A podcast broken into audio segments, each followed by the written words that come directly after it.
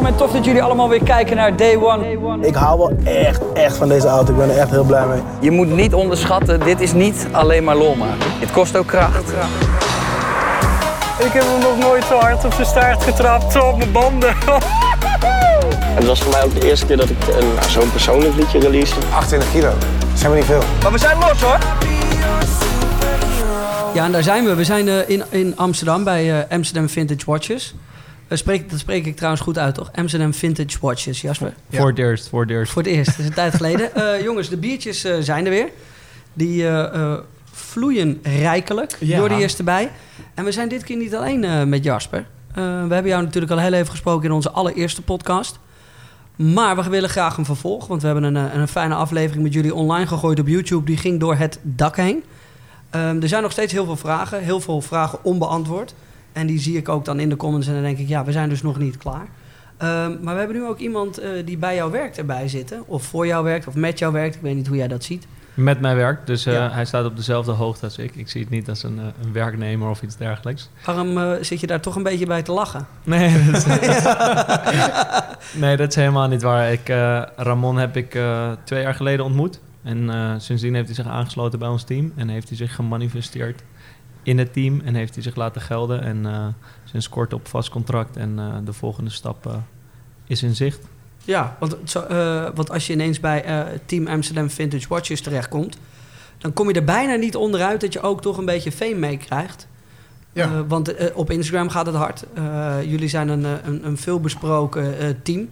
Ik denk helemaal in jullie wereld, daar weet ik nog niet zo heel veel van. Maar ik weet dat in de online wereld eh, zijn jullie wel door de ongekroonde horlogekoningen, denk ik.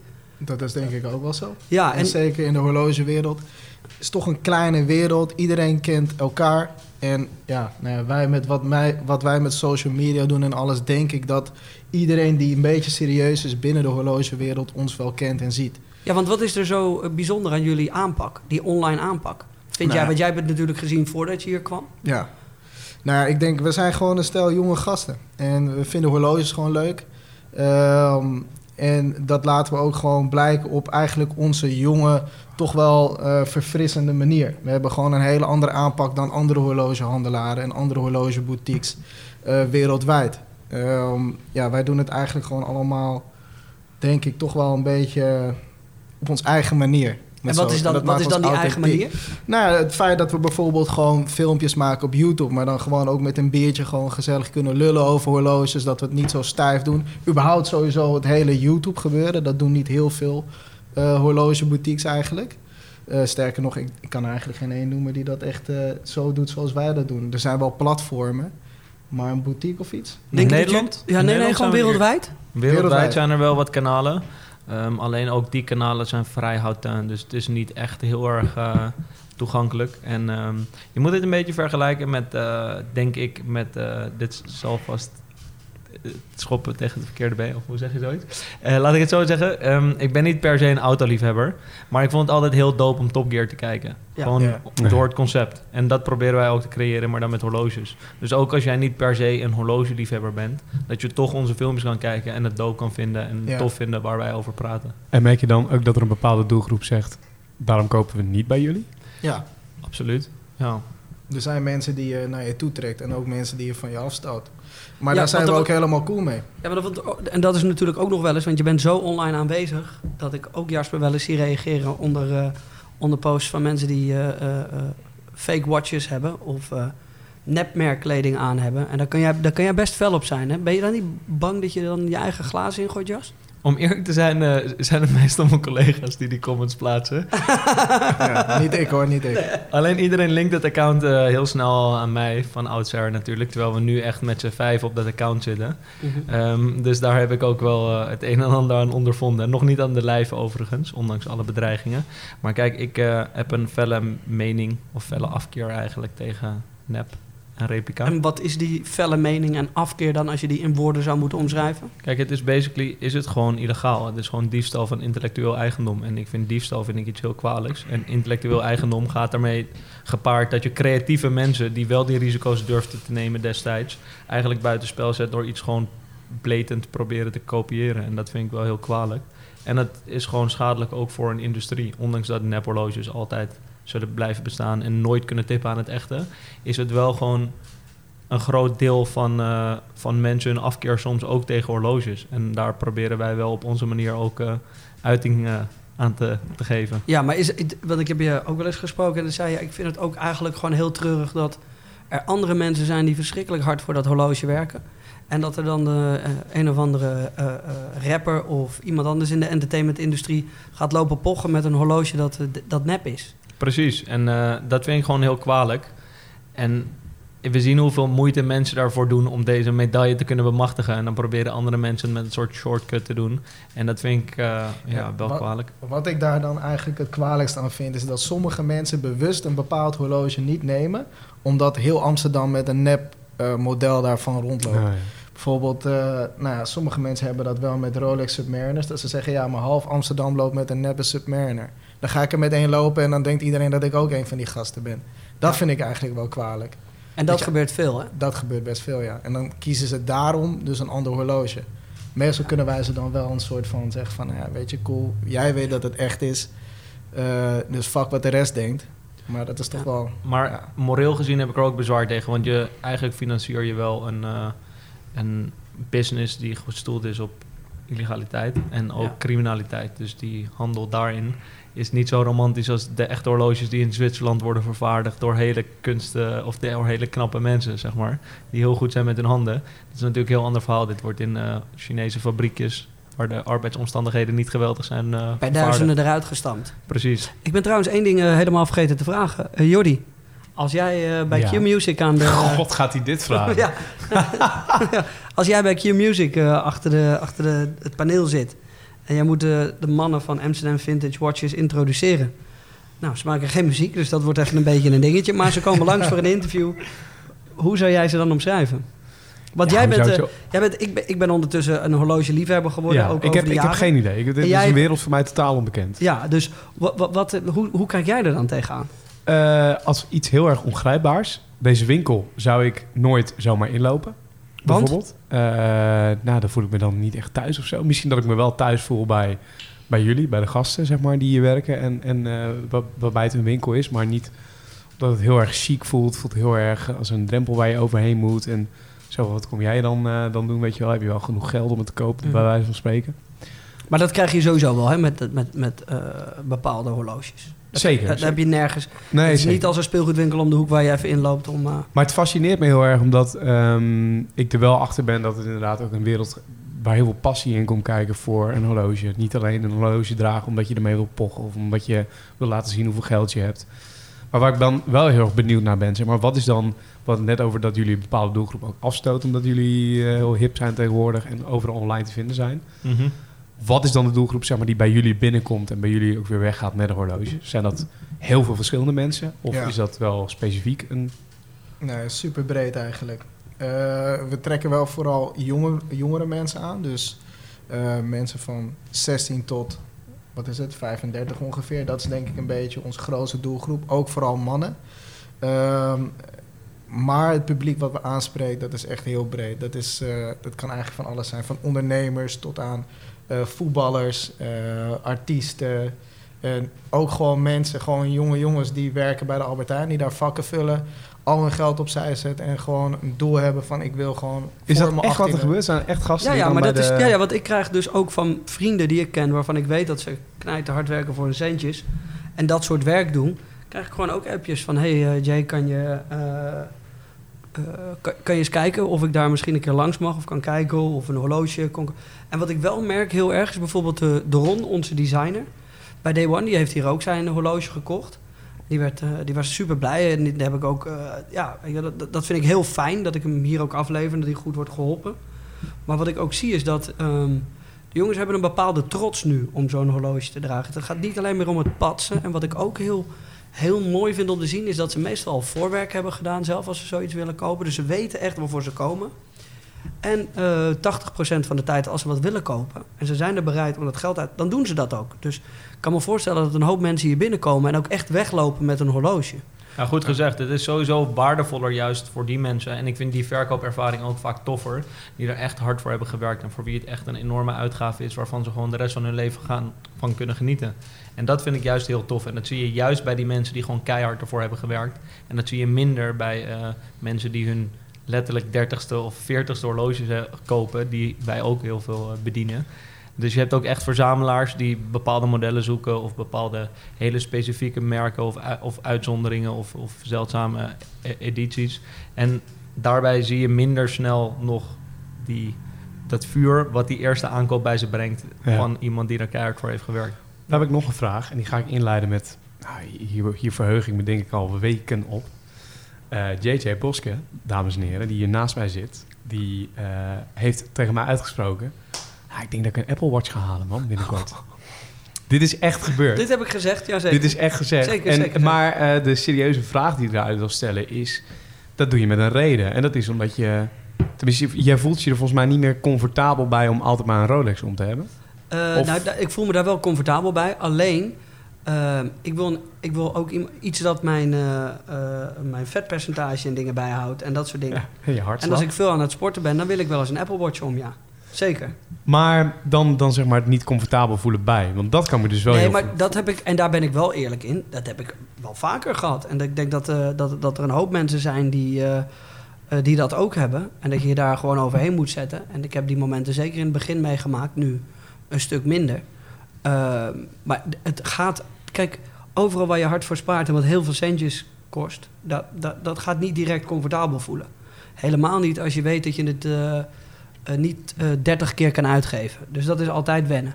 Ehm, en dat heb ik nog steeds. Ja, maar als je kijkt naar René van der Gijp, laatst toch nog. Hij was het volgens mij die laatst eh, na VI nog werd eh, overvallen eh, op weg naar zijn auto toe.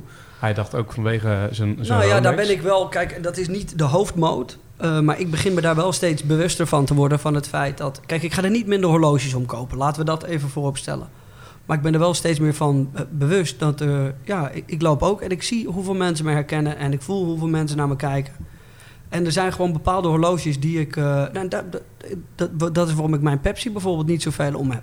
Maar daar zeg je ook iets belangrijks. Je ziet hoeveel mensen jou herkennen en die kunnen jouw Instagram zien en zien dat je met een Ja. Rolex omloopt. En dat merken we nu, dat de criminelen van vandaag de dag targeten veel mensen via Instagram en bekende mensen. En daardoor, omdat het bekende mensen zijn, komt het meer in het nieuws. Dus het is niet dat die cijfers dat ook weer spiegelen dat Nee. meer horloges nu gestolen worden dan vijf of tien jaar geleden. Nee. Alleen nu worden er andere manieren voor gebruikt en die aanpak zorgt voor meer media-aandacht. Het is wel zonde, want je, je hebt, dus je hebt zo'n horloge gekocht omdat je hem fantastisch vindt. En, en uiteindelijk laat je hem alleen in de kluis liggen. Nou ja, kijk, ik, ik, ik, ben daar, ik ben anders van mening. Want ik vind het heerlijk om er juist eh, nog één of twee in de kluis te hebben liggen. Omdat, ja, dat, dat maakt het net wat specialer. Ik heb er eentje, die heb ik eigenlijk elke dag om. Eh, en ik ben nu aan het kijken naar een tweede om af te wisselen, ook dagelijks. Ja. Maar ik heb er ook eh, eentje, dus die, eh, die, ja, die doe ik sporadisch om. Maar dat voelt dan wel weer heel lekker om die om te doen. Dat voelt elke keer weer als een nieuw horloge. En ik denk dat ik dat gevoel vooral fantastisch vind. Is dat op het moment dat ik iets leuks heb of iets denk van... nou, ik moet me even aankleden... en er mag wat speciaals om de polster, dan doe ik die om. Ja. En dat is het mooie. Het geeft me meteen een speciaal gevoel. Omdat ik denk, oh lekker. En af en toe kijk ik dan naar dat horloge. En dan ben ik daar niet nog veel meer trots op dan op de andere horloges. Maar denk ik wel, ja, dit is wel, ja, dit is wel waarom ik hard gespaard heb en waarom ik hard werk. En ik denk dat dat heel lekker is. Maar ja, laten we wel eerlijk zijn. eh, er wordt ook bij mij ingebroken. En er wordt ook bij mij van alles gestolen en gedaan. Dus ik moet wel eh, af en toe een beetje opletten. Wat diefstal bij een horloge denk ik extra pijnlijk maakt, los van de waarde van het horloge, dus financieel, is het ook de emotie. En veel mensen Ja. verbinden aan een horloge. Als je kijkt naar waarom JJ zijn Explorer bijvoorbeeld ooit heeft gekocht. Veel mensen binden een bepaald verhaal aan het horloge en hebben echt een gevoel daarbij. En als iemand dat steelt, dan is dat ook heel pijnlijk. Hetzelfde heb je met, eh, kijk, als je een dure camera hebt en je camera wordt gejat, is het zuur dat je camera weg is. Maar als al die foto's er ook op staan die je kwijt bent, dan doet het nog meer pijn. En ik denk dat daarom een eh, diefstal van een horloge zo vervelend is. Is het een slimme investering? Nou, ik weet niet. eh, Dat maakt mij ten eerste... eh, nee, maar los van het nee. je kan het ook doen misschien omdat je weet dat het Nou, ik model denk dat over drie jaar meer voor nu waard denk is. ik, ik denk nu dat ik eh, de eerste keer dat ik hier kwam is denk ik drie jaar geleden ongeveer. Die is wel verdubbeld hoor, die. Ja, en ik bedoel, dat mijn eerste horloges die ik gekocht en het eerste horloge dat ik heb, maar ook het tweede horloge en eigenlijk alle andere horloges zijn allemaal meer waard geworden. Allemaal. En of dat nou 5 euro of duizenden euro's is. Ik heb er geen één die minder waard is geworden. Dus is het een goede investering? Ik denk het wel. Eh, maar daar weten Jasper en... eh, de- de- de- de- ja, die weten, die weten daar meer over. Wij zeggen altijd, het is vooral een investering in je plezier. Je haalt het horloge omdat je de rest van je leven ervan wilt genieten. En een mooie bijkomstigheid is dat het ook inderdaad waardevast is. En in de meeste gevallen ook in waarde stijgt. En dat is eigenlijk gewoon simpele marktwerking. De horloges die wij verkopen, die eh, zijn er eigenlijk maar in een beperkt aantal. Het aanbod, dat staat vast en wordt eigenlijk alleen minder. Er wordt namelijk niet meer van bijgeproduceerd. Je moet je voorstellen dat de horloges die wij verkopen eh, vandaag de dag op een totaal andere manier geproduceerd worden, er heel anders uitzien. Dus het aanbod dat wordt alleen maar minder. En de vraag die stijgt, of zelfs al zal die gelijk blijven, dan zal de prijs alsnog stijgen. Ja, maar Ramon, is dat dan... eh, want dat, dat is wat ik een, een hoop mensen hoor zeggen, is... ehm, ja, maar er zijn zoveel... Ik zie zoveel mensen met een Rolex. Dat kan toch niet eh, eh, zijn waarde blijven behouden of meer waarde worden? Nou ja, dat hangt er dus een beetje vanaf wat Dat- voor model en ook of het modern of vintage is. Kijk, moderne horloges, daar worden er elk jaar, volgens mij produceert Rolex iets van 800.000 horloges per jaar. Dus er komen er elk jaar weer van bij. Ja. Ja, nou ja, het aanbod dat, dat wordt alleen maar groter. Dus nee, daarvan stijgt de waarde inderdaad niet. Maar vintage horloges, waar dus gewoon niks meer van bij komt, waar het aanbod eigenlijk gewoon alleen maar minder van wordt, omdat horloges verdwijnen in privécollecties en dergelijke. Eh, ja, daarvan, het kan eigenlijk niet anders dat de waarde daarvan stijgt. Maar houd het dan niet voor jullie binnenkort op? Nou, het is grappig dat je dat nu eh, opbrengt. Want eh, tijdens de coronaperiode hebben natuurlijk van heel veel mensen te horen gekregen van ja, en dan gaan horloges ook naar beneden in waarde en weet ik veel wat. En dan zakt die markt in, omdat die markt al jarenlang aan het stijgen is. En je zag het ook met de aandelen die opeens onderuit gingen.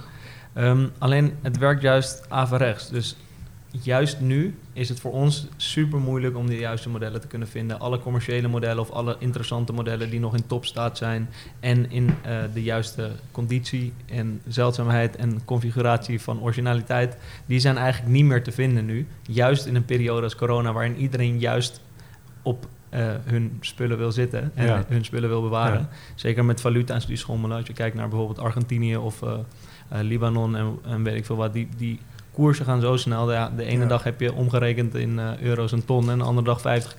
Kijk, als jij een Rolex hebt van een ton, dan zal die wereldwijd overal hetzelfde waarde vertegenwoordigen. En ook eh, met schommelende koers. Hetzelfde zie je natuurlijk met goud, waar mensen vaak induiken als de economische ons- onzekere tijden zijn. Om, een- om, om, om, ehm, mensen een idee te geven. Nou, ik heb hier eh, die Pepsi toen eh, gekocht. Wat zal die meer waard zijn nu, denk je?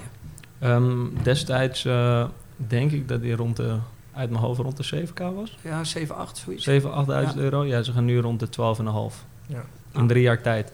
Ehm, maar ja, er zijn ook nog veel extremere voorbeelden. Ik heb een horloge verkocht in 2016 voor 33.000 euro. En die heb ik in 2019 verko- of teruggekocht voor 94.000 euro. En dus eh, die heb ik toen weer verkocht voor iets boven een ton. En die doet nu eh, rond de 180k. Nee. Maar dat is dus echt een heel uitzonderlijk geval. En ik denk ook niet dat dat de insteek moet zijn voor jezelf als je een horloge wil kopen. Het is fijn dat het waardevast is. Alleen we krijgen heel vaak de vraag: wat is dan een goede investering? En ja, als ik het zou weten, dan zou ik je het horloge niet verkopen. Maar ook wij kunnen dit niet weten. Nee. Hetzelfde is met aandelen.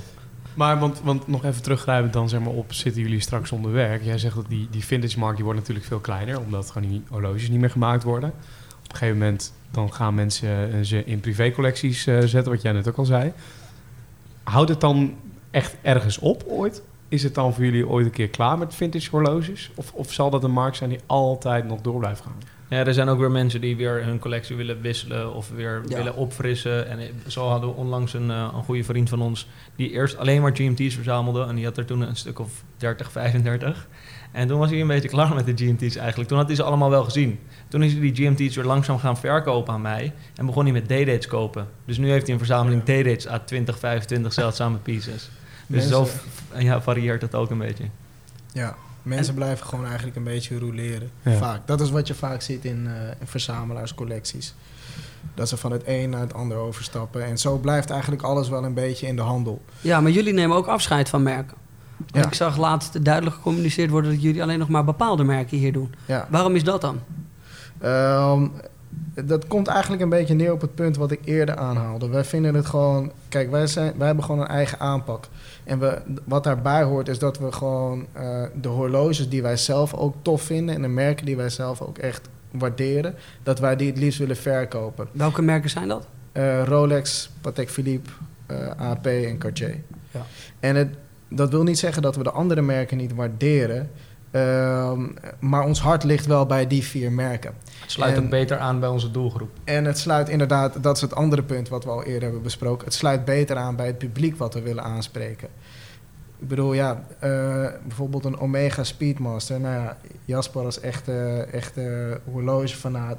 Ik bedoel, je, dat kun je niet, niet waarderen, zeg maar. Dat moet je waarderen. Maar vinden we het tof om te verkopen, om hier in de winkel te hebben? Nee, eigenlijk niet meer. Het is niet echt helemaal meer wat bij ons past. En ook niet past bij de doelgroep die we willen aanspreken. Dus ja, dan kiezen wij ervoor om liever eh, echt gespecialiseerd te zijn in vier merken. Dan dat we van, weet ik veel, tien of twaalf merken wat weten. Dat is belangrijk, dus die specialisatie. We willen gewoon in vier dingen het beste zijn.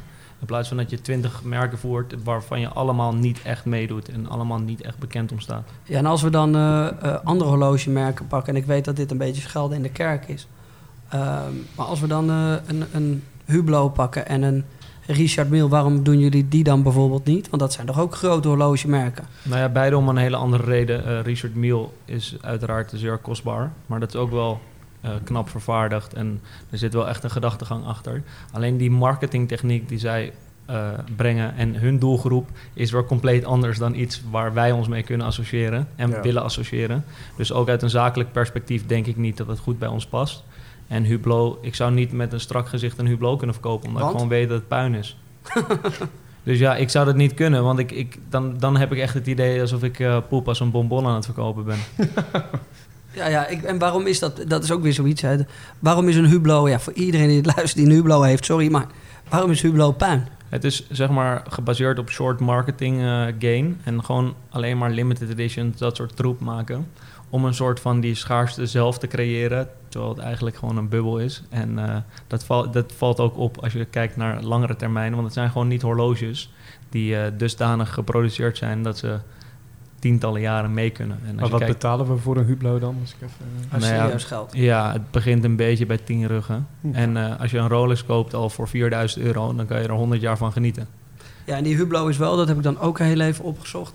Die, die koop je dan voor 10.000 en die is over eh, drie jaar nog vijf waard. Ja. ja. Dus die, die, die is, gaat wel echt naar beneden in waarde. Ja, Maar het is gewoon super trendgevoelig. Het is gewoon gebaseerd op wat is nu de hype, wat gaan we nu, wat is nu tof, wat vinden mensen nu dope, dat gaan we produceren. En over een jaar of twee jaar is het weer anders. Maar dat is toch voor jullie als ook online ondernemers, is dat toch ook waar je een beetje naar op zoek bent? Of is dat dan iets wat ik. Nee, Rolex die heeft al eh, sinds jaar en dag zijn ze eh, marktleider. En zijn ze gewoon het belangrijkste in de ontwikkeling in de horlogerie.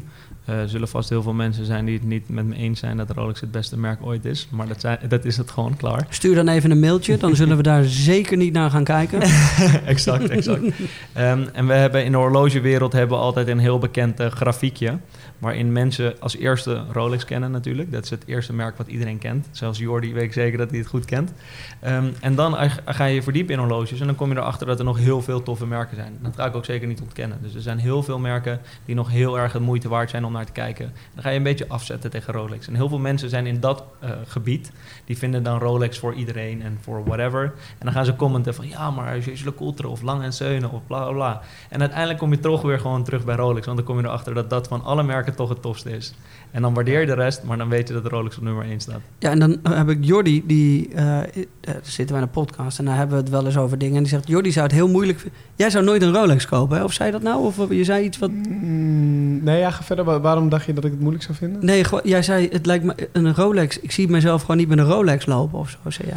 Nee, dat klopt. Maar volgens mij heb ik toen ook gezegd, nu nog niet. Precies. Ja, En en, waarom- dat, dat, daar, daar gaat dan Jasper nu van zeggen... nou, dit is onzin, want dat zou nu wel ook kunnen. Om, dat heeft niks met leeftijd te maken natuurlijk ook.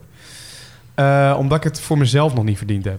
Ja. Zeg maar, ik, ik, Maar wanneer wel dan? eh, nou, als ik een stuk verder in mijn carrière ben... als ik eh, financieel gezien een stuk verder ben, dat. Maar Kijk, dat vind ik heel ik- mooi dat je dat zegt, want zo moet je het ook zien, weet je. Ja. Het is een trofee. En eh, nogmaals, de primaire functie, ja, niemand boeit het dat je op een Rolex de tijd kan zien. Want op jouw Apple Watch kan je veel meer dan alleen de tijd Ja. zien, zeg maar. Nou, kijk, weet je wat het is? Als ik eh, mijn ouders nu morgen zou bellen en zeggen... Pap, mam, ik ga morgen een Rolex kopen of ik heb net een Rolex gekocht. Dan dan lachen ze me... Nou ja, ze lachen me niet uit. Maar ze zeggen, jeetje, zou dat nou wel doen? Wat was dat nou voor nodig dan? En, eh, eh, en we hebben het over Almelo en Emmen en Drenthe en Ja, dergelijke. mijn ouders uit heel, mijn ouders uit Hilversum hadden dat ook gewoon hoor. Oh, nou ja, Ja, nou, prima. Weet je, maar Ja. dat zijn al mijn ouders. Ehm, en, en, en ik denk nu juist steeds meer, ook door deze podcast, maar ook doordat ik Jasper volg, dat, dat, dat ik Day One kijk. denk ik, ja man, Rolex. Het is best wel een, een soort van kroon op wat je gedaan hebt in je verre verleden. Letterlijk en figuurlijk. Maar, Precies, vandaar een logo. Ja, hey. Zo, die Ja. maakte ik zonder dat ik hem zelf door had. Hè? Hey. Ehm, maar als ik dan zeg maar... eh, eh, eh, ik, vind het, ik zou het nu heel vet vinden, laat ik het zo zeggen. Maar ik wil wel eerst genoeg geld kunnen maken, zeg maar, voordat ik daar mijn geld aan kwijt kan. Er zijn meer dingen waar ik nu mijn geld aan kwijt kan, zeg maar, dan een Rolex. Ja. Snap je? Ja, ja, dat snap ik. Wat, wat, was, wat was jouw eerste horloge? Ik, ik heb geen horloge. Nee? Nee. Wacht. Ho, wat? Huh? Ja. Potwist. Nee, het is, het is best wel grappig eigenlijk hoe ik... eh, Ik hoop echt dat dit grappig is. bij Amsterdam Vintage Watches terecht kwam. Eh, ja, je hoopt dat het grappig is, maar ik, eh, ik was dus vroeger coke-dealer van Jasper. Zo heb ik hem leren kennen. Ja, dat dacht ik al. Nee, nee, nee. Nee, ik ben echt per toeval bij Amsterdam Vintage Watches terecht ge- geraaid. En ik had wel altijd een soort van... Hoe dan? eh, Nou ja, ik, ik werkte bij een kutbedrijf en eh, daar ontmoette ik een stagiair. En die was helemaal fan van AVW. En ehm, die liet me toen een keer een filmpje zien ervan. En toen dacht ik, oké, nou, dat is wel prima. Dus ik dacht, ik ga dit een keer zelf kijken. Dus ik ben thuis AVW gaan opzoeken op YouTube. Eerste filmpje dat ik zag was het filmpje waarin jij een oproep deed om te solliciteren. En toen dacht ik, Hè? nou, waarom niet? Fuck it, ik ga het gewoon proberen. Ja. Dus de volgende dag ben ik naar mijn kutbaan gegaan. Heb ik gezegd, hé, hey, ik, eh, ik neem ontslag. Dus ik ben toen naar huis gegaan, filmpje opgenomen. Een week later of zo kreeg ik een berichtje van Jasper van... Nou, ik denk dat je wel een dope gast bent, kom een keer langs. Gingen we koffie drinken. Ehm, koffie werd een biertje, werd een paar biertjes. Klikte. En toen hoorde ik een paar weken later van... Hé, hey, je bent aangenomen. Sick. Eh, sindsdien werk ik hier. En ehm, En heb je wel verstand van horloges? nou, dat is, dat is eigenlijk hier in het veld gebeurd. Maar dat is ook eigenlijk precies hoe ik ben. Ik ga dan liever gewoon 100% ergens voor. En dan duik ik gewoon in het veld. En dan leer ik onderweg wel hoe ik mijn, eh, mijn weg daarin moet banen. Dan dat ik eh, eerst allemaal voorwerk ga doen en noem maar op. En dat is het Dus ook ben- met horloges hoor. Ik heb zelf een opleiding gedaan van vier jaar, dus juwelier ondernemer. En ik heb in vier jaar minder geleerd daar dan uiteindelijk in vier maanden in de praktijk. En ook als ik kijk naar eh, Ramon of mijn andere collega, bijvoorbeeld Rutger, hoeveel kennis zij hebben vergaard. Gewoon door de ervaring, door het hier Ja. te doen. Eh, kleine side note voor de mensen die nu luisteren en denken: oh tof, ik kan dus gewoon een berichtje sturen en dan eh, word ik wellicht aangenomen. Dat kan gewoon. We krijgen wekelijks minimaal drie of vier sollicitaties binnen, waarvan ook een paar stageverzoeken.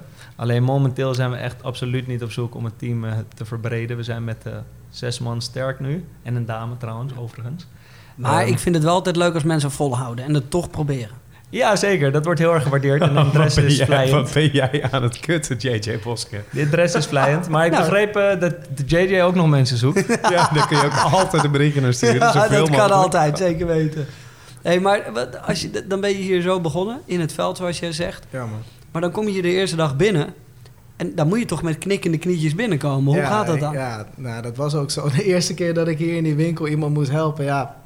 Ik zal je eerlijk zeggen, ik, ik wist geen fuck van horloges. Ja, ik kon een beetje de modellen van Rolex uit elkaar halen, maar de rest, dat wist ik gewoon niet. Maar eh, ja, ik weet niet, dat is... eh, Welke dat, techniek heb je toen toegepast? Hoe ging dit? Wat, Ja, dat is, dat is denk ik... eh, is dat natuur? zoals natuur. Nee, nee, nee. nee, nee. Natuurlijk. Nee, ehm, je moet gewoon scherp zijn, man. Dus Ja. gewoon elke dag op de werkvloer komen... en alles wat je in je op kan nemen, moet je in je opnemen.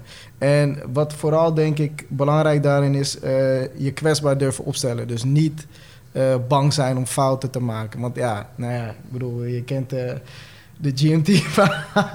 ja, kijk, dit is precies wat ik wil dat is top, dat is Kijk, top. het leuke is dat hij nu zegt, ja, niet bang zijn om fouten te maken. Maar ondertussen is het mijn port- portemonnee. Die Ja, precies, daarom. nou, nou, dat is niet helemaal zo. Want ik, ik werk hier, dit is mijn inkomen. Ja, dus als ja. ik iets, echt iets verkeers doe en... eh, ja, dan, Dan er word je gekort op je vanaf. inkomen? Nou, dan word ik misschien ontslagen of zo, weet ik veel. Nee. Maar vertel het, wat, wat- er is natuurlijk wel eens wat fout gegaan. Wat is daar... eh, wie, van jullie, wie van jullie gaat dat verhaal vertellen? Nee, ehm dat is een grappig trouwens van het, eh, met Ik zeg niks, ik zeg niks. Ik weet dat je me niet ontslaat. nee, maar ehm, Eh, ja, nou goed, er kwam dus een gast binnen. En dat is dus ook het mooie van dit werk. Je ontmoet dus elke dag eh, ja, mensen. mensen. van over de hele wereld. En die dan, wat hun samenbrengt, is dan horloges. Dus die kennen onze zaak door social media. Dus dit was een gast uit, eh, uit Indonesië. En eh, die kwam gewoon binnen en een beetje lullen. En hij was geïnteresseerd in wat horloges.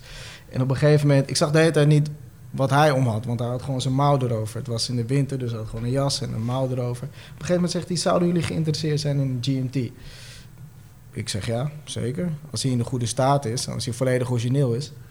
Dus toen deed hij zijn mouw omhoog en had hij een hele oude GMT. Dat was echt, eh, dat was wel iets wat je niet elke dag tegenkomt. Dus ik dacht, oké, dit, is, dit is wel vet. Wil je dit verkopen? Ja, ik wil dit verkopen. Goed, dus ik nou, dat horloge van zijn pols getrokken. horloge van zijn pols, eh, even kijken. Eh, ik ondertussen contact met Jasper hebben van... hé, hey, dit is hier een gast die wil een GMT verkopen. En dat was een horloge van volgens mij 20.000 euro. Je moet je nagaan, ik werkte hier een paar maanden. Ik had nog steeds af en toe knikkende knieën. Ik wist er nog niet zo heel veel, heel veel van. Ehm, dus nou, ik heb uiteindelijk eh, met een beetje de het begeleiding van Jasper... Jasper die was in het buitenland, dus die kon me niet heel goed ondersteunen... heb ik dat horloge gekocht. En eh, toen kwam ik... dat was in het weekend. En toen kwam ik na het weekend weer op kantoor. En zei ik, en uh, dat horloge wat ik heb gekocht. Zei Jasper, mwah. Ja, daar moeten, we toch, daar moeten we het toch even over hebben. Nee. Ja, het was niet dat het nep was of zo hoor, maar de conditie stelde toch wel meer teleur dan eh, van de afbeelding af te lezen was. Dus dat is heel belangrijk natuurlijk. En zeker horloges die al dusdanig op leeftijd zijn. Het is gewoon heel belangrijk dat niks vervangen is. Dus de wijzerset nog origineel is, de bezel insert en alles. Ehm, en ja, dit horloge uiteindelijk hebben we volgens mij met 2000 euro verlies hebben we het nog wel verkocht. Dus we hebben het nog aan een andere handelaar uh, kunnen ver verkopen. Dus het is wel goed gekomen enigszins. Ja. Maar ja, dat hoort er ook bij, weet je. Dat is het spannende aan het ondernemen in dit segment. Omdat je met vintage te maken hebt. Dus je hebt niet een soort... Je bent geen dealer van iets. Dus je Nee. bestelt niet bij een groothandel en je krijgt het binnen en je verkoopt het. Elke dag kan die deal op de loer liggen. Kan je een WhatsAppje krijgen, kan iemand binnenkomen die iets wil, heel tofs wil verkopen of kopen. Maar Zijn we wel te, te snel voorbij gegaan aan het feit dat hij geen horloge heeft, hè? Nu nog, na twee jaar hier. Nou Nee, goed, nou ja, maar dat goed. is iets wat je ook... Kijk, dat is iets waar je ook... Moet je ook maar even kunnen betalen. Nee, maar ik ben er wel benieuwd naar, zeg maar, of dat dan... Snap ik. Wat is daar het verhaal? Ben je, heb je, wat, wat zou je eerste horloge worden? Dat is dan misschien Dat is ook wel... goeie. Ja. Nou, ik, ik heb al, eh, ik ben wel, eh, er is één horloge wat echt een soort van, eh, ja, bij mij hoort. Daar zie je de meeste mensen op social media mij altijd mee. En dat is een D-date. Dat is eigenlijk ook het horloge waardoor ik überhaupt geïnteresseerd ben geraakt in horloges. Omdat ik die in de Sopranos, zag ik Tony Soprano met een geel-gouden D-date. Toen dacht ik, ah, dat is wel vet. Dat wil ik wel op een dag. Ja. Ehm, en die verkoop ik nu, die draag ik nu bijna elke dag. Eh, en dat is een horloge wat ik zelf nog wel zou willen kopen. En eigenlijk is het een beetje dat ik gewoon wacht totdat ik de juiste tegenkom. Sinds ik hier ben gaan werken heb ik elke maand wat opzij gezet. En heb ik gewoon zoiets van, als ik een keer de juiste tegenkom, dan, eh, dan pak ik hem gewoon. Plus het is ook zo dat hij hier natuurlijk eigenlijk een beetje uit alles kan kiezen. Ja. Om zelf te dragen. Dus het is ook niet noodzakelijk. Dat is een beetje als wat ik met auto's heb. Rijden elke week in een andere. Dat betekent niet dat je namelijk zelf dus ook tijd in een Ferrari moet rijden. Precies. Maar even, even terug naar het, het, het stukje ondernemersgedeelte. Ehm, advocaat van de duivel. Eh, jij neemt dus iemand aan zonder ervaring en die laat je hier alleen werken? Ja, dus eh, die, eh, dat filmpje hebben we online gezet op YouTube, waarin je kon solliciteren. En daar hebben we iets van 80 filmpjes eh, binnengekregen. Ja. En daar heeft Nick een selectie van gemaakt, van de beste. En daar hebben we met vijf mensen gesprekken mee gevoerd. En waaronder Ramon en Rutger, een andere collega die we hebben aangenomen. En die hebben niet aangenomen op hun kennis. Dus het is niet zo dat we met ze gingen zitten en ze vragen gingen stellen. En als ze ze goed konden beantwoorden, dat we ze aannamen. Er waren mensen bij tussen die vijf mensen die veel meer van horloges wisten dan Rutger of Ramon. Maar het is niet op uiterlijk gegaan, heb ik even gezien. Nee, dat zeker niet. Nee, Nee. maar ze mogen ook niet knapper zijn dan ik, hè, want dan wordt het heel moeilijk. nou, dan kunnen er best veel mensen hier werken hoor. Daarom doe ik die filmpjes met jou, toch? Dan zie ik er zelf een stuk beter uit. Ik leek wel lang trouwens hoor, dat Oh, vorige je- filmpje. Wat zei je? Ik leek wel lang. Ja, zeker. jou. zeker. Dat is ook top. Ja, als je nog één keer wat zegt. het geluid op mute. Eh, nee, maar we hebben echt gekeken naar de, de, het enthousiasme en de leergierigheid. En we waren ook op zoek naar mensen die echt voor lange termijn wilden eh, investeren in het bedrijf. En wij in hen. Hoe belangrijk is dat? Voor Eh, die, heel die belangrijk. lange termijn? En wat Heel is dan een lange termijn in jouw... de bedoeling is wel dat, zeker met Ramon en Rutger, daar hebben we het nu ook over gehad, dat we wel met z'n allen ook iets echt gaan neerzetten als Amsterdam Vintage Watches, zoals ik al net aangaf. We werken samen nu. Voorheen zou ik kunnen zeggen, oké, ze werken voor mij. Maar nu werken we gewoon met elkaar. Ja. Eh, dus wat dat betreft zitten we wel echt op hetzelfde level. Ik ben zelf ook veel in het buitenland. Nou, ik kan dan gewoon met een gerust hart kan ik die winkel aan die boys overlaten. Als Dat is best wel een dingetje, want een jaar eh, of t- ander, twee jaar geleden heb ik hier nog over gesproken. En dan stond je hier zelf met knikkende knieën als je moest denken aan het feit dat je hier zelf niet zou staan. Absoluut. En dat was ook echt heel belangrijk in die procedure. En het vertrouwen die zij hebben eh opge, opge, eh. Opgeëist. opgeëist. opgeëist. Eh, dat, dat betaalt zich ook heel erg terug nu. En daar ben ik echt heel blij om. En ook heel erg trots op om eerlijk te zijn. Maar betekent dat dan dat jullie misschien wel een tweede Amsterdam Vintage Watches of dat er een, eh, een, eh, een Arnhem Vintage Watches aankomt? Of Rotterdam no. Vintage Fuck Watch. ja. Fuck Nee, no. nee. Eindhoven Vintage Watches? Nee, ik ga gewoon al met vijf jaar met pensioen. Ja. Dat is hem gewoon. Dat is het doel. En dan? En dan moet je aan hem vragen. Nee, hij vraagt aan jou als je met Hè? pensioen bent. hè? En dan klinkt Horloges Fucking saai. handelen voor de hobby. Gewoon chill. Gewoon zelf zoeken naar bepaalde modellen om eh, voor mezelf te kopen en daarin eh, te verdiepen. En meer de tijd nemen voor eh, de horloges. Maar nu gaat het zo van het snel. Die omloopsnelheid is crazy. Maar, maar even serieus, jij zegt vijf jaar. Zeg je vijf jaar als grap tussendoor? Of is het echt letterlijk wat jij in je hoofd hebt over vijf jaar ben ik met pensioen? Nee, nee, nee. Ik, sowieso ben ik eh, heel erg eh, werkgericht. Dus ik kan niet zonder 70 uur per week werken. En ook heel erg ondernemersgericht. Dus ik hou ervan om eh, echt iets op te bouwen. Dus dat vind ik heel tof. Alleen het is wel echt de bedoeling dat ja, de mensen die hier aanwezig zijn en werken... waaronder dus Ramon, gewoon in staat zijn om die tent te draaien... al zou ik er niet meer zijn. En dat, daar, op dat punt zijn we wel beland. Hey, wat is, eh, wat, wat, het klinkt allemaal tot nu toe best wel eh, heel fijn en gezellig. En jullie hebben het goed voor elkaar. Maar er zijn natuurlijk ook Komt best wel... omdat Rutger er niet is, hoor. Ja, ja, nou ja, die staat achter het raam te kijken en dan de hele tijd te kloppen.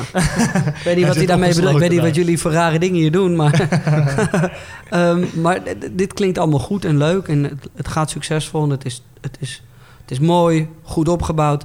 Maar Ramon, er moet toch ook in deze tijd wel eens wat negatiefs zijn geweest? Want je handelt in horloges en dat is niet altijd... eh, het, het is een mooi product, maar het is geen makkelijk product. En het is ook niet een product waar je geen last mee hebt als je er eh, te veel mee loopt. Ja. En dan bedoel ik vooral dat je beroofd wordt. eh, dat mensen je anders behandelen omdat je een Rolex om je pols hebt. Ja. wat, wat- wat, wat is in jouw beleving? Heeft, heeft dat iets veranderd? Nou, eigenlijk helemaal niks negatiefs. Eigenlijk alleen maar positief. Ik, eh, kijk, je moet, je moet je voorstellen, en eh, ik wil niet overdrijven, maar voordat ik bij Amsterdam Vintage Watches kwam werken, was ik wel een beetje een straatschoffie. Ik liep gewoon in een joggingpak op Nike's en dan word je, dan het word je verhaal over dat hij mijn kookdealer was, dat zit vrij dicht tegen de waarheid. vrij dicht tegen de waarheid. Dus ik, Snap toen ik. werd ik op een hele andere manier aangekeken. Eh, en vandaag de dag nou, loop ik eigenlijk keurig, meestal bij een pak. Ik heb een mooi horloge om. Waar ik ook ga hier in Amsterdam, word ik mede door dat horloge en doordat mensen me ook herkennen en doordat ik ook nu vandaag de dag gewoon wat keuriger erbij loop. Heb je een vriendin? Eh, nee, op dit moment. eh, Oké, heeft het, eh, ja, helpt dat pak en dat status, helpt dat ook een beetje aan... eh, Zeker. Ja? Ja. Ja, ja, is dat echt zo? Hij regelt zijn checks via Instagram, hoor. Ja, snap ik. Ik, ik, heb een paar keer, ik heb een paar keer op zijn Instagram gekeken, wou ik zelf Jij bijna een DM'tje DM geslagen. Ja. Oké jongens, ik laat jullie wel even. Maar is dat, is dat iets... Is, het- dus het heeft eigenlijk wel je hele voorkomen een beetje... Want daar had ik het met Jasper natuurlijk ook over in ons filmpje. Het is een bepaald voorkomen. Ja. Is dat iets wat je hiervoor echt niet had? En hoe is dat dan nu wel zo... eh, Ik denk het niet. Nee, hiervoor, hiervoor was het toch wel... eh, ja, ik wil niet zeggen dat ik met een nek aangekeken word... maar je was je toch wel bewust van dat mensen je anders aankeken. En dat was ook deels, zie ik nu, als ik nu kijk naar mezelf... een paar jaar geleden kwam dat ook deels door mezelf.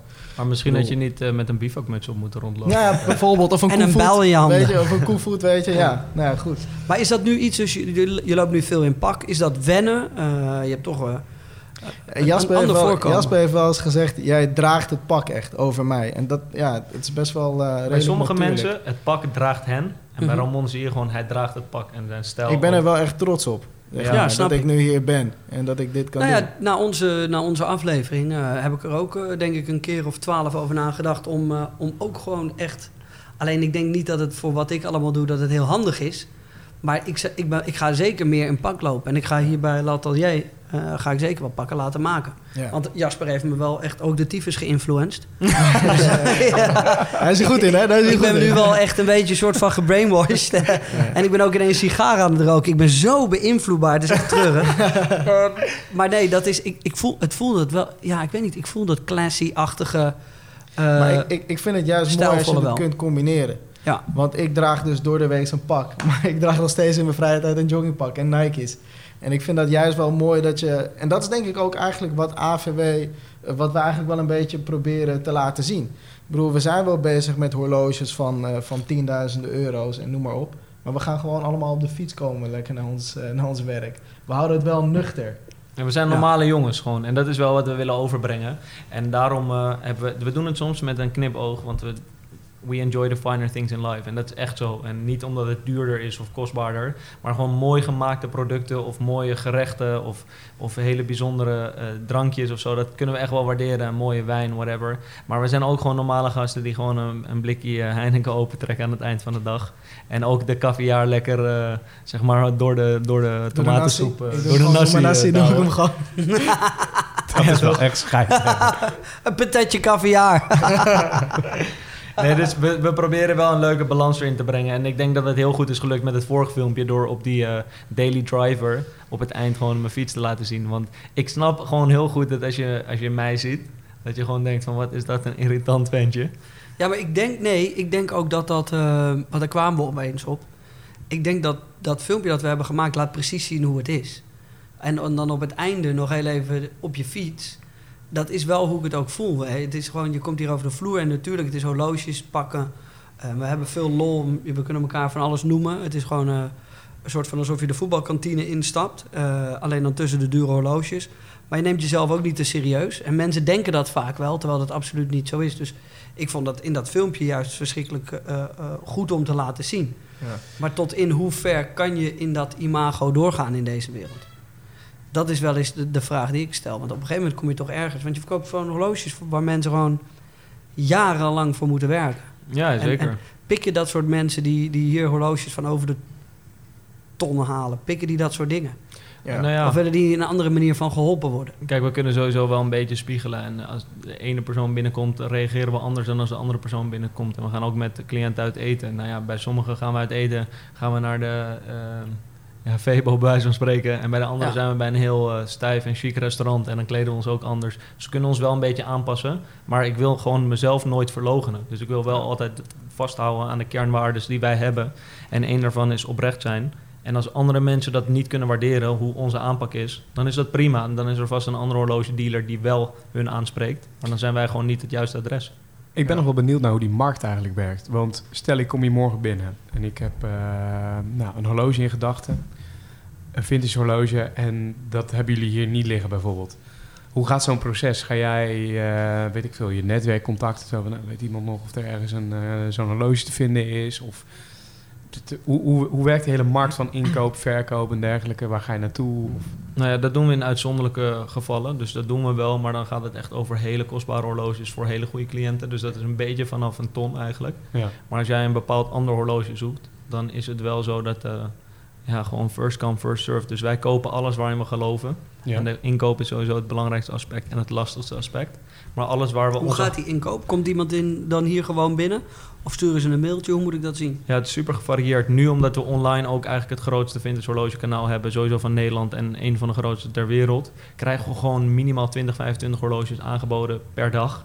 Gewoon van particulieren, dus gewoon privépersonen die het aanbieden. Alleen daarin heb je vaak het geval dat dat juist horloges zijn die niet iedereen per se wil. Want de mensen die een horloge hebben die iedereen wil, die willen het vaak niet verkopen. Nee. Dus dan ben je toch al snel aangewezen op internationale markt met verzamelaars en ehm, handelaren.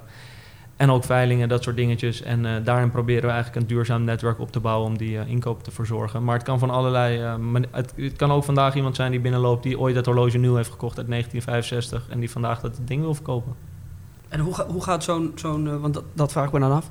Ik zie jou wel eens op zo'n veiling zitten. Hoe gaat zo'n veiling? Is dat dan gewoon horloge A? Oh ja hoor, die neem ik. Horloge B? Die Nou ja, neem ik. bij een Hoe- veiling is het, het is sowieso heel belangrijk. Veiling is heel risicovol. Dus eh, niks wordt gegarandeerd. Dus je moet wel zelf eh, instaan voor je eigen kennis. Om te kunnen zien wat de conditie is en wat de configuratie is. Of die nog volledig origineel is of dat er vervangen onderdelen zijn. En dan kan je dus ook flink op je bek gaan. En dat zijn we allemaal gaan. We kennen net het verhaal van Ramon van zijn GMT. Waar hij met twee ruggen onderuit is gegaan. Ik ben wel eens een paar keer met meer dan 10.000 euro onderuit gegaan. Dus dat hoort erbij. Eh, maar met schade en schande word je gewoon zelf veel wijzer. En dus ik, we zijn nu op een punt gekomen dat we zelf zodoende veel eh, informatie en, en kennis hebben en connecties, dat we er gewoon voor kunnen zorgen dat we zo min mogelijk kans hebben op een kat in de zak. En stel, ik eh, besluit morgen om mijn eerste Rolex te gaan kopen. Ik vraag misschien een beetje naar de bekende weg, maar raad je me dan aan om een vintage hor- horloge te gaan kopen? Of vintage Rolex bijvoorbeeld, of een nieuwe? Want Jay, volgens mij jouw eerste Expo, die kocht je op Schiphol en dat je terugkwam van de expeditie. Ja. Dat was dus een nieuwe. Ja. Maar wat, wat, wat zou je aanraden? Maar dat was Ik- bijna, dat voor mij, sorry, dat voor mij was bijna een, eh, een, een impulsieve aankoop. Of dat is eigenlijk pas een impulsieve aankoop. Ja. Was gewoon, ik zag hem, ik had net Expeditie Robinson meegedaan, toen kocht ik hem. En, maar hoe meer ik mij in horloges ben gaan verdiepen, zou ik nooit zo snel meer een, eh, een geheel nieuwe kopen. Maar dat is, eh, ik weet voor de rest niet eh, hoe de mannen daar tegenaan kijken. Eh, ik zou je aanraden om te kopen wat jij het mooist vindt. Waar jij het best bij voelt. En natuurlijk, wij voelen ons het best en vinden vintage het mooist. Eh, als jij dat niet zo vindt, dan zou ik gewoon gaan voor iets moderns. Dat is vrij Maar makkelijk als, antwoord. Ja, dat, dat als, dat, ja, als dat oké. is wat je, wat je afweging is. Als Het je is echt hebt een over kutantwoord, maar wel de waarheid. Kijk, Ja. prijs, Ja. sowieso is het belangrijkste dat je moet kopen waar je jezelf het fijnst bij voelt. Dat is het allereerste gewoon. Als mensen vragen, ja, wat is een goede investering? Ja, de enige goede investering is het horloge waar jij het meest plezier van gaat hebben. En betaal daarvoor wat jij het waard vindt. Ehm, Ja. Nu is het wel zo dat vintage ten opzichte van modern best wel veel praise heeft. Ook natuurlijk eh cons, dus negatieve dingen. Maar een van de voordelen is dat gewoon je iets hebt wat unieker is dan andere mensen. Want zoals Ramon net aangaf, Rolex maakt 800.000 horloges per jaar. Als je een moderne of een nieuwe Datejust koopt, ja, de kans is best wel groot dat je iemand tegen het lijf loopt met hetzelfde horloge. En een vintage Datejust, in hele kleine oplages werden die gemaakt, dan heb je gewoon eigenlijk al een vrij uniek horloge. En daarnaast zit er vaak veel meer ambacht in de vroegere horloges. Dus nu is het toch wel meer fabriekwerk, ondanks dat het tot in de perfectie is uitgevoerd. En daar, ge- geef ik ze, daar doe ik mijn pet voor af. Alleen vroeger had je wel meer die romantiek en die ambacht in die horloges zitten. En dat is iets wat mij ook gewoon heel erg aanspreekt. En ehm, daarnaast eh, is investeringstechnisch gezien ook vintage vaak eh, veel interessanter. Bij welk jaartal stopt vintage? Nou vintage is een moeilijk te definiëren begrip, omdat het eigenlijk stamt uit de vinologie, en, eh, dus de wijn. En voor wijn is een vintage wijn is een wijn die eigenlijk met de jaren mooier wordt. Dus voor mij is het niet, ik, ik een horloge uit 1970 hoeft niet per se vintage te zijn, het kan gewoon oude puin zijn. Ja. Ehm, dus vintage is voor mij Ja. meer een kwaliteitsstempel. En een horloge uit 95 kan al vintage zijn in mijn optiek. Terwijl een horloge uit 1980 die niet kwalitatief sterk is, is voor mij gewoon oude, een oud horloge. Oké, andere vraag. Wanneer is het dan eh, wel, of wanneer is het eh, eh, niet vintage? Eh, het is niet vintage sowieso als hij nog in productie is. Dus als het model nog steeds nieuw bij de dealer gemaakt wordt. En waar ik sowieso ehm, naar kijk is... eh, op een gegeven moment in 98 bijvoorbeeld is, eh, zijn de meeste merken overgegaan van tritium. Dus dat is een middeltje wat oplicht. Dat zit op de uurmarkering en op Ja. de wijzers. Eh, naar Luminova. En Luminova is in veel opzichten veel beter, omdat het is niet radioactief en het geeft veel langer licht. Maar tritium heeft de neiging te verkleuren. Die gaat een chemische verbinding aan. Wordt een beetje Ja. bruinig.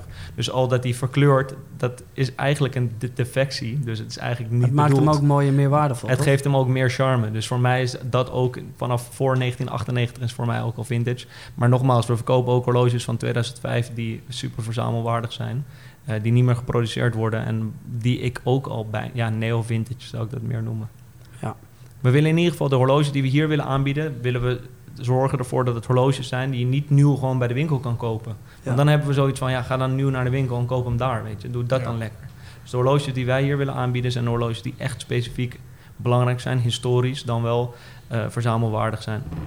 Ehm, ik heb dit al aan Jasper gevraagd in onze aflevering, maar daarom vraag ik het nu aan Ramon. Jij hebt natuurlijk hier eh, gezien wat eh, het online teweeg brengt, allemaal. Ehm, heb je adviezen voor degenen die het aan het luisteren zijn, die, zeggen, nou, ik heb een online business. Ehm, ik wil daar echt wat van bouwen. Misschien zoals bij eh, Amsterdam Vintage Watches, misschien met andere spullen alleen. Wel op die manier. Wat, is de kracht hier van het online? Wel- wel- welke adviezen heb jij? Wat heb je hier gezien wat jou verbaast over het feit dat het zo hard gaat online? Wat zijn daar de trucjes in? Ik, eh, ik, ik- wat ik denk dat het belangrijkste is van ons, is dat je een, eh, een persoon creëert bij het bedrijf. Dus dat mensen een gezicht hebben.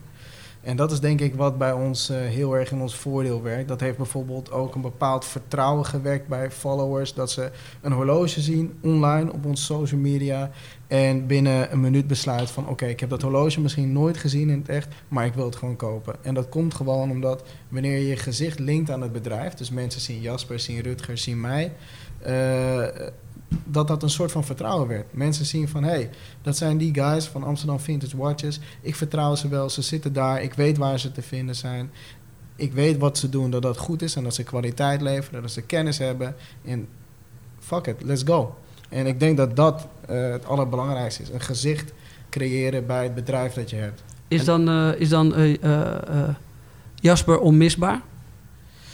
Dat is, dat is ook iets wat we de laatste tijd wel eens hebben besproken. Ik, ik denk nu, ja, ja. Begint te komen, hè? wel. Nou, ik, ik denk dat hij, wel, dat hij wel onmisbaar is. Kijk, Jasper is dit bedrijf niet gestart, maar hij heeft het wel zeker de, de richting in, in gebracht waar het nu is. En daar Laten we, gewoon- laten we daar wel even over zijn. Ik heb wel ook wel eens de comments onder ons filmpjes gelezen. En onze aflevering held, he- heet Selfmade. Maar één ding, daar ben ik 100% van overtuigd. En dat is, met heel veel respect naar Jaspers ouders. Die hadden hier niet van gemaakt van eh, wat Nee. Jasper ervan had, heeft gemaakt. Nooit. Nee. Dus, het, het- dus voor mij is het heel belangrijk dat hij er is. Maar er moet ook een keer een tijd komen dat hij er misschien niet eh, gaat Ja. zijn. Oh, wat eh, voor- voorspel je hier? Dat ik gewoon overreden word of zo? Eh, nee, nee, nee, maar ik heb het met Day One ook. Jezelf, Oh, omdat Ja. ik die bureau nu heb gekocht. Ja, dat, die, dat die is sowieso de allerslechtste. het allerslechtste idee wat jij de laatste tijd hebt gehad. Want ik weet zeker Ja, dat het, jij. het werkt wel lekker hoor, want we Ja? rijden nu gewoon elke dag door Amsterdam. En nou, ik word gewoon de hele dag aangesproken door mensen. Hé, hey, van dat en... eh, Maar ik hoorde dat jij bezig was met je motorrijbewijs. Ja, dat is ook echt een heel erg Dus wat slecht ga je doen idee. als jij er niet meer bent? Hoe is day one dan? Hoe eh, zet hij zich dan voort? Nou, het allermooiste is dat het Day One heet. eh, en niet JJ Boska. En ik denk dat wij eh, precies met hetzelfde bezig zijn als wat jij hier aan het doen bent. Ik denk hele capabele mensen om me heen creëren die ook leuk zijn eh, om naar te kijken of verstand hebben van dingen. En die heel goed ook. Maar die konden vanavond niet, dus heb je Jordi meegenomen. Ik voelde dit aankomen. Ik wou hem niet maken. Nee, maar ik zou het wel heel mooi vinden als bijvoorbeeld Jordi straks zijn eigen podcast onder Day One krijgt. En dat mensen gewoon hun dromen via ons ook waar kunnen maken op verschillende manieren. En eh, ja, dan hoop ik ooit een keertje dat mijn eh, gezicht niet meer nodig is. Nee, precies. Maar dat, dat is nu wel heel belangrijk. Kijk, jij straalt het nu uit en mensen kennen jou natuurlijk. En zo is dat ook bij, eh, bij ons zo ge- geweest. Ehm, en het is voor mij ook mijn levenswerk. Dus voordat ik zoiets uit handen geef, moet ik wel weten wat voor vlees ik in de kuip heb. En dat kan je niet na een paar maanden bedenken. Nee. Ehm, we zijn nu dus twee, tweeënhalf jaar verder. En nu weet ik wel dat ik het met een gerust hart ook eh, kan overdragen aan deze boys. En dat denk ik dat het heel belangrijk is. En daarom zie je nu ook steeds meer op social media dat eh, onder andere Ramon en Rutger. En voor de goede orde, er zijn dus nog meer mensen bij het bedrijf. Alleen die hebben ook naar eigen keuze eh, minder zichtbaar op, Ja. eh, op social media. Ehm, en die zijn niet minder capabel of iets dergelijks. Maar ik denk wel dat het belangrijk is wat Ramon net zegt. Dat mensen het idee hebben dat ze met een persoon zaken doen. Dus het, wordt, het is sowieso een emotioneel product. Dus je wilt het persoonlijk aangepakt hebben en niet met een soort stijf bedrijf. En ik denk dat daarom je gezicht laten zien heel belangrijk is. Ondanks dat het ook dus eh, nadelen met zich meebrengt als eh, veiligheid en zo. Wat, wat voor nadelen brengt het mee nu met veiligheid nog steeds? Want je hebt, eh, de, je hebt de vorige podcast ook twee verhalen Ja, ja. verteld waar eh, we nog sta- staan te klapperen. Ja, was gezellig hè? Pistooltje op je hoofd. Ja. Dat is altijd top. Ehm, nou ja, het Buiten het feit dat er hier een bom op het raam is geplakt. Holy fuck. Ja, bommetje op het raam en eh, drie keer inbraak bij me thuis geweest. Een paar keer een pistool tegen mijn hoofd gehad, dat soort geintjes. Eh, dat hoort er helaas wel bij, de andere keerzijde van de medaille. Dat is wel een redelijk grote keerzijde. Is een redelijk grote keerzijde, alleen het is niet dat ik heel naïef eh, daarover heb nagedacht. Dus het is niet dat ik denk van, wat is er nou allemaal Dus- gebeurd? Dus toen jij in Argentinië met die, eh, met die Rolex omliep in een van de wat, wat minder bedeelde wijken. Nou, toen, toen Dat was verwachtte ik misschien het een niet. minder... eh, Dat was misschien een inschattingsfoutje. Maar eh, kijk, over het algemeen weet ik dat het bij de business hoort. Ik bedoel, als jij bij de marine gaat, dan weet je ook dat je gewoon fysiek daarvoor bekwaam moet zijn. En hetzelfde geldt hiervoor dat je dan mentaal daartegen opgewassen moet zijn. Ja, onze stagiaire valt bijna in slaap. Oh, godverdomme man. nee, ik denk dat het ook... Ik, dit, het mooie is dat we kunnen hier eh, blijven praten. Ik kan hier nog acht podcasts opnemen en we kunnen nog zes filmpjes maken. Het blijft altijd eh, interessant en leuk. En ik vind het ook vooral leuk om te horen... eh, hoe de mensen die met jou werken over het bedrijf en over jou praten. Ehm, en we zullen ze ook een klein stukje eh, helpen. Eh, er, er zijn ook wat vrouwen die naar de podcast luisteren. Dus eh, wat, is, eh, wat, wat is je, wat is je Ramon Instagram? Soprano, Ramon Soprano. Ja, ik ben sinds twee weken ben ik weer bezet, dus voor mij hoeft het niet. Echt? Maar je mag altijd sliden hoor. Wat gezellig. Send nudes. Ja, je mag altijd sliden. Maar of die antwoord, dat is 100% zeker. Eh Jordi, heb jij nog vragen voor de rest? Zijn er dingen die jou nog... eh, Nou, wat, stel, stel ik kom hier morgen binnen Ja? En ik eh, wil een aankoop gaan doen. Heeft hij al drie keer gevraagd, wordt elke keer Nou, nee, ja, nee ja, wat, wat, wat, wat, wat, eh, wat, moet ik, wat, wat raad je aan? Wat, als ik hier nu... Nu, hier binnen. Ja, Je beste eerste horloge in mijn optiek, en dat is ook omdat ik het zelf, dus ik ben een beetje biased, want dat, dat is mijn eerste keuze en dat is een Rolex Datejust. Het mooie daaraan is, whatever je stijl is, er bestaat gewoon niemand die in Datejust niet staat.